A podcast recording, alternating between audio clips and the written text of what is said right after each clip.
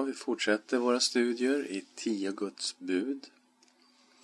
Och vi har kommit fram till det femte budet som vi kallar för föräldrabudet. Låt oss be tillsammans. Tack Herre för de tankar som du har när det gäller våra föräldrar. Jag ber om din vishet, om din Andes ledning när vi ska tränga in i ditt ord. I Jesu namn. Amen. Det femte budet, föräldrabudet, lyder så här. Hedra din far och din mor så att du får leva länge i det land som Herren din Gud ger dig. Andra Mosebok 20 och 12. Hittills så betonar buden relationen mellan Herren och hans folk. Men de följande buden, alltså från femte budet fram till tionde, så finns det en mycket större betoning på de mänskliga relationerna. Men eh, det innebär ju inte att ett brott mot de här buden inte var ett brott mot Herren. Tvärtom. När kung David till exempel hade begått äktenskapsbrott med Batseba och sett till att hennes make Uria dödats i strid. Då kom profeten Natan till David och avslöjade synden för honom. Kung David säger då till Natan Jag har syndat mot Herren. Andra Samuelsboken 12 och 13.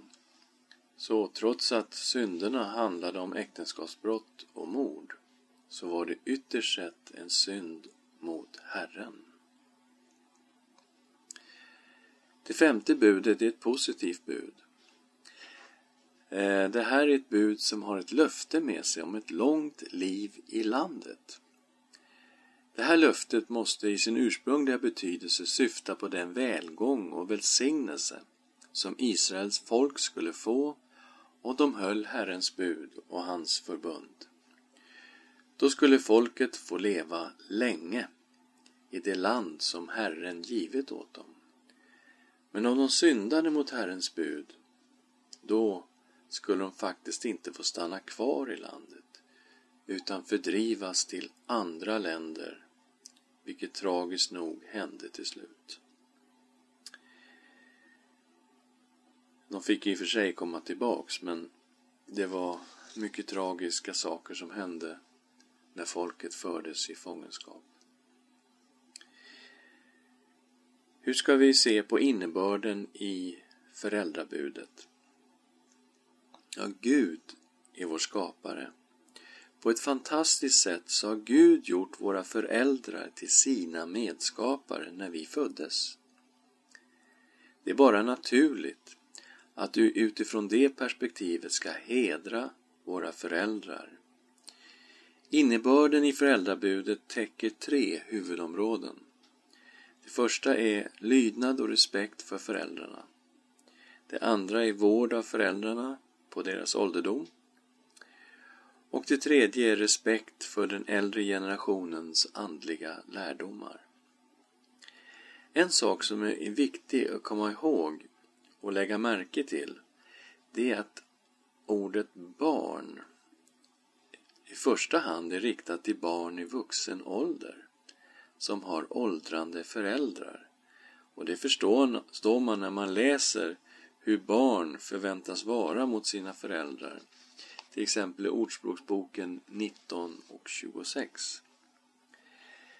Den som tar till våld mot sin far eller driver bort sin mor är en vanartig och skamlös son.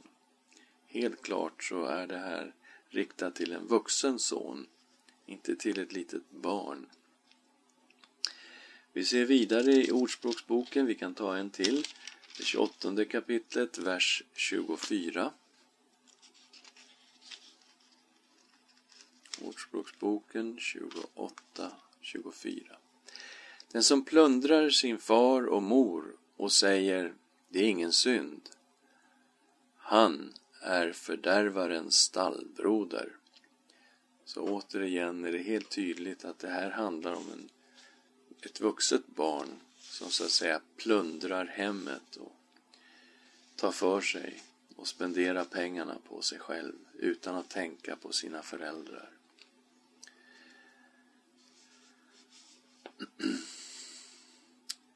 Ansvaret för föräldrarna för att föräldrar, ansvaret att föräldrarna skulle föra Guds uppenbarelse vidare till nästa generation, det var en viktig del av föräldrabudet. En förutsättning för att det här ska fungera, det var egentligen just att föräldrarna var goda föredömen för barnen, men också att barnen respekterade sina föräldrar. Då fanns den här situationen där, att man kunde föra vidare kunskapen om Gud från generation till generation. Och eh, vi ska titta på hur viktigt det här är att föra kunskapen vidare till nästa generation. Femte Mosebok kapitel 6, vers 4 9. Hör Israel! Herren vår Gud, Herren är en. Du ska älska Herren din Gud av hela ditt hjärta av hela din själ, av hela din kraft, av all din kraft. Dessa ord som jag idag ger dig befallning om ska du lägga på hjärtat, du ska inskärpa den hos dina barn och tala om dem när du sitter i ditt hus, när du går på vägen, när du lägger dig, när du stiger upp. Du ska binda dem som ett tecken på din hand och det ska vara som ett band till påminnelse på din panna och du ska skriva den på dörrposterna i ditt hus och på dina portar.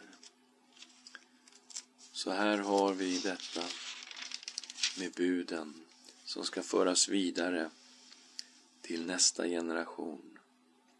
Det ska ligga på våra hjärtan, men de ska inskärpas hos våra barn.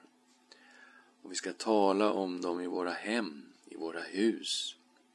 Och när vi är ute på vägen när vi lägger oss, när vi stiger upp, ska finnas med oss under hela dagen. De ska finnas som ett märke, som ett tecken på vår hand. Tänka på vad vi tar i, vad vi håller i vår hand. Är det någonting som är förenligt med Guds bud? Påminnelse på pannan. Vad är det vi tänker på? Vad är det som fyller vårt sinne? Är det detta som hör Gud till? Och de ska sittas på dörrposterna till våra hem. Vad är det som förgår, försiggår i de här hemmen? Vad tillåter vi? Vad är det för innehåll i våra hem där Jesus Kristus är Herre? Så det här var en viktig del att föra det vidare till nästa generation. Jesus talar ju om föräldrabudet.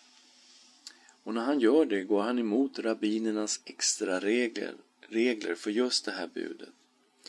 Han anklagar till och med fariseerna för att sätta Guds bud åt sidan, förmån för sina egna regler. De lärde nämligen att en man som givet en ekonomisk gåva åt Gud motsvarande vad han skulle gett sina föräldrar på deras ålderdom blev befriad från förpliktelsen att sörja för sina åldrande föräldrar. Mycket märkligt. Men det här förstår vi när vi läser Matteus 15, vers 1 till 9. Matteus kapitel 15, vers 1. Sedan kom några fariseer och skriftlärda från Jerusalem fram till Jesus och frågade Varför bryter dina lärjungar mot de äldstes stadgar? De tvättar inte händerna innan de äter. Han svarade dem, varför bryter ni mot Guds bud för era stadgars skull? Gud har sagt, hedra din far och din mor. Och den som förbannar sin far eller mor ska straffas med döden. Men ni påstår, om någon säger till sin far eller mor, vad du kunde fått av mig, det ger jag som offergåva då ska han inte hedra sin far eller mor. Ni upphäver Guds ord för era stadgars skull, ni hycklare. Rätt profeterade Jesaja om er. Detta folk ära mig med sina läppar, men deras hjärtan är långt ifrån mig. Förgäves dyrkar de mig, eftersom de läror de förkunnar är människors bud. Så, Jesus går alltså emot de här extra lärorna som de hade lagt till gudsbudet. Men vi kan också se här att Jesus väldigt tydligt säger att föräldrabudet i huvudsak riktar sig till vuxna barn som ska ta hand om sina åldrande föräldrar. Helt klart har han den inriktningen här. Jesus talar också om att föräldrabudet har en begränsning. Han tar fram flera sådana exempel. Enligt Jesus utgör äktenskapet en viss begränsning av föräldrabudet där lojaliteten mellan makarna ska vara en högre lojalitet än lojaliteten till föräldrarna. Och det ser vi i Matteus kapitel 19, vers 4 till 6. Han svarade, har ni inte läst att skaparen från begynnelsen gjorde dem till man och kvinna och sa, därför ska en man lämna sin far och mor och hålla sig till sin hustru och de två ska vara ett kött. Så är det inte längre två, utan ett kött. Vad Gud har fogat samman skall människan inte skilja åt.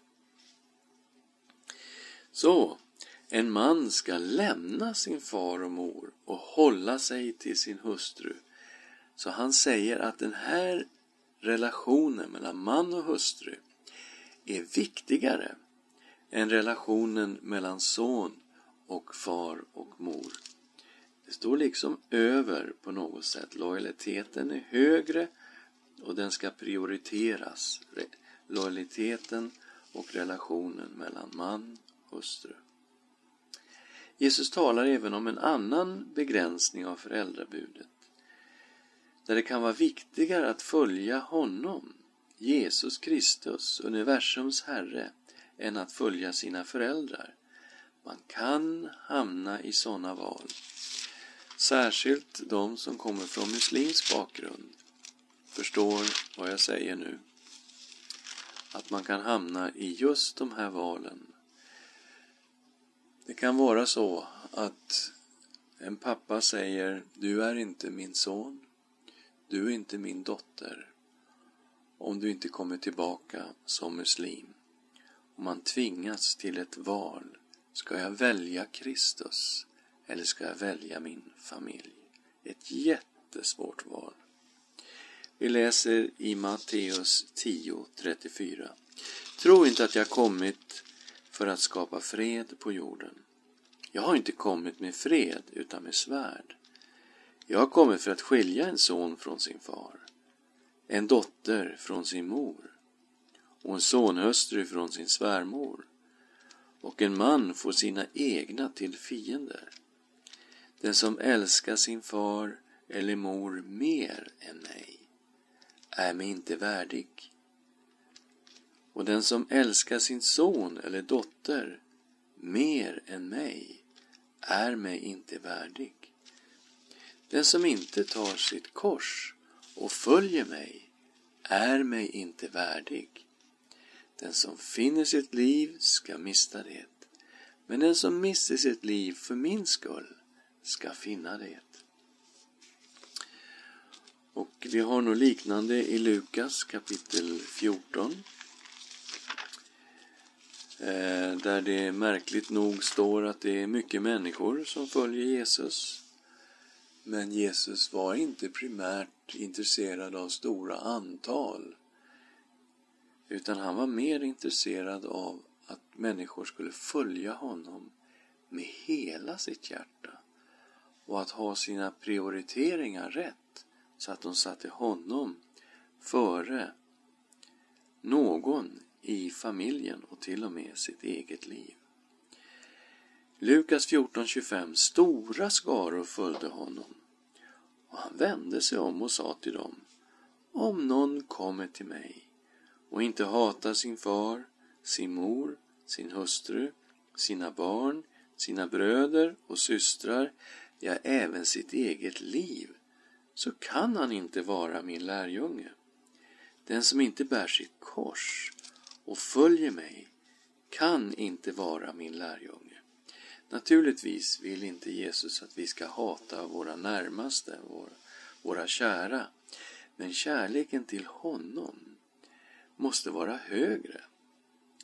Det måste vara en prioritet där Jesus kommer först. Det är grunden för att vara en Jesu lärjunge. En del av föräldrabudet innebar, som vi har sett, att ta hand om sina åldrande föräldrar och ge dem en värdig begravning. Men till och med detta kan i vissa fall komma i konflikt med att sätta Kristus och hans kallelse först. Vi har sådana här situationer i Lukas 9, 57 62. Medan de vandrade vägen fram sa någon till honom Jag vill följa dig vart än du går. Jesus svarade Rävarna har lyor och himlens fåglar har bon. Men Människosonen har inget att vila huvudet emot. Med andra ord, han säger till honom Fattar du verkligen vad du säger när du säger att du vill följa mig vart än du går? Det kan innebära att du får sova rakt ut i naturen ibland. Till en annan sa han Följ mig. Mannen svarade Herre, låt mig först gå och begrava min far. Jesus sa till honom Låt de döda begrava sina döda. Men gå du och predika Guds rike. Nu var det inte troligt att hans pappa var död, men han säger ungefär så här. Låt mig tänka på saken att följa dig. Jag går hem, jag stannar hos mina föräldrar när mamma och pappa är döda. Då kan jag tänka på att följa dig och predika Guds rike. Men Jesus säger Sätt prioriteringarna rätt. Låt de döda begrava sina döda, men gå du och predika Guds rike. En annan sa, jag vill följa dig, Herre, men låt mig först ta farväl av min familj. Jesus svarade, ingen som ser sig om sedan han har satt handen till plogen passar för Guds rike. Så det verkar som om Guds rike och att tjäna Gud kan ibland komma i konflikt med just de här familjerelationerna. Och då är det frågan om vad ska man ha för prioriteringar? Och Jesus säger Guds rike är jätteviktigt. Så det kan hända, inte alls nödvändigt, men det kan hända att det kan komma i konflikt. Jesus var ju unik. Han hade en jordisk mamma, men han var också Guds son. Och hans lydnad för sin himmelske fader, den var total hela tiden. Och ibland ser vi det här, spänningen mellan det jordiska och det himmelska. På flera ställen i evangelierna så ser vi detta. Vi ska titta på Lukas 8, vers 19 till 21. Jesu mor och bröder kom till honom, men de kunde inte ta sig fram för folkmassans skull. Man sa då till honom, din mor och dina bröder står här utanför och vill träffa dig. Jesus svarade, min mor och mina bröder är det som hör Guds ord och handlar efter det. Så han säger, det finns en familj, en Guds familj, den består av Guds barn. Och här finns bröder och systrar och till och med mödrar. Han säger, i den här familjen finns det en gemenskap som är jätteviktig och som i vissa fall faktiskt viktigare än den jordiska familjen. I, Lukas, i Johannes evangeliets andra kapitel ser vi hur eh, Jesus gör det första undret. Det är när han förvandlar vatten till vin vid ett bröllop i Kana i Galileen. Och här kan man ana en spänning mellan Jesus och hans mamma Maria. På tredje dagen var det bröllop i Kana i Galileen och Jesu mor var där. Jesus och hans lärjungar blev också bjudna till bröllopet. När vinet tog slut sa Jesu mor till honom, de har inget vin. Jesus svarade, kvinna, vad har vi med det att göra? Min stund har ännu inte kommit. Hans mor sa till tjänarna, gör vad han än säger till er. Just det här att Jesus kallar henne för kvinna ungefär. Lämna mig i fred. Min stund har inte kommit än. Här ser vi spänningen, men han går vidare och han förvandlar ju vatten till vin och gör där ett mirakel. Jesus höll ju fast vid föräldrabudet, det är helt klart. Det ser vi också när han hänger där på korset i Johannes 19 kapitel. Och vid hans kors står då hans mamma, Maria. Och bredvid henne står den lärjunge som han älskade, det vill säga Johannes, som har skrivit evangeliet. Och eh, vi läser Johannes 19, 25-27. Vid Jesu kors stod hans mor och hennes syster Maria, som var Klopas hustru, och Maria från Magdala. När Jesus såg sin mor och bredvid henne den lärjunge som han älskade, sa han till sin mor, Kvinna, se din son. Sedan sa han till lärjungen, Se din mor. Och från den stunden tog lärjungen henne hem till sig. Så, Jesus hänger där på korset. Och det finns en omsorg, en kärlek om Maria. Och eh, han på något sätt säger till Johannes, Johannes, ta hand om min mamma. Gör det. Och det ser vi också att Johannes gjorde. När vi kommer till apostlarna eh, så ser vi att de också höll fast vid föräldrabudet. Paulus lärde mycket tydligt att barn skulle lyda sina föräldrar. Och vi ser det i Efesiebrevet kapitel 6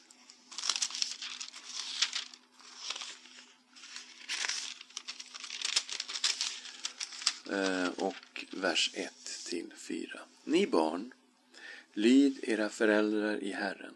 Det är rätt och riktigt. Hedra din far och mor. Detta är det första bud som har ett löfte. För att det ska gå dig väl och du ska leva länge på jorden. Och ni fäder, reta inte upp era barn utan fostra och förmana dem i Herren. Så, här ser vi helt klart hur Paulus håller fast i föräldrabudet och lärde ut i den kristna församlingen att det här ska ni ta fasta på så att barna lyder sina föräldrar och hedrar sin far och mor. Och han trycker på att det finns ett löfte eh, som sitter fast vid föräldrabudet.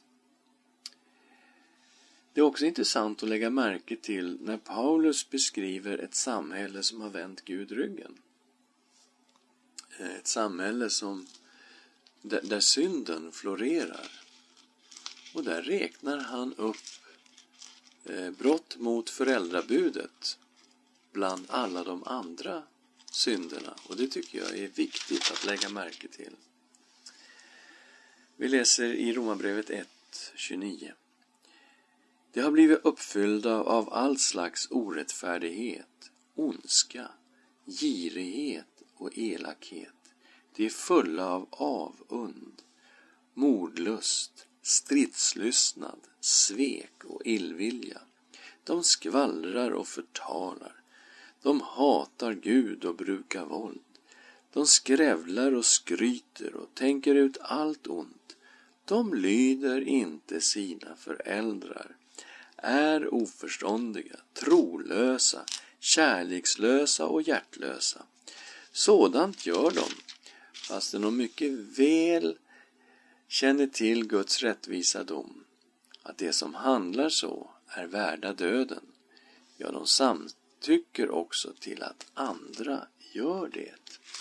En annan sån här lista som beskriver ett samhälle som har vänt Gud ryggen och där synden florerar skriver Paulus i Andra Timotebrevet kapitel 3, vers 1-5. Det ska du veta, att i de sista dagarna kommer det svåra tider.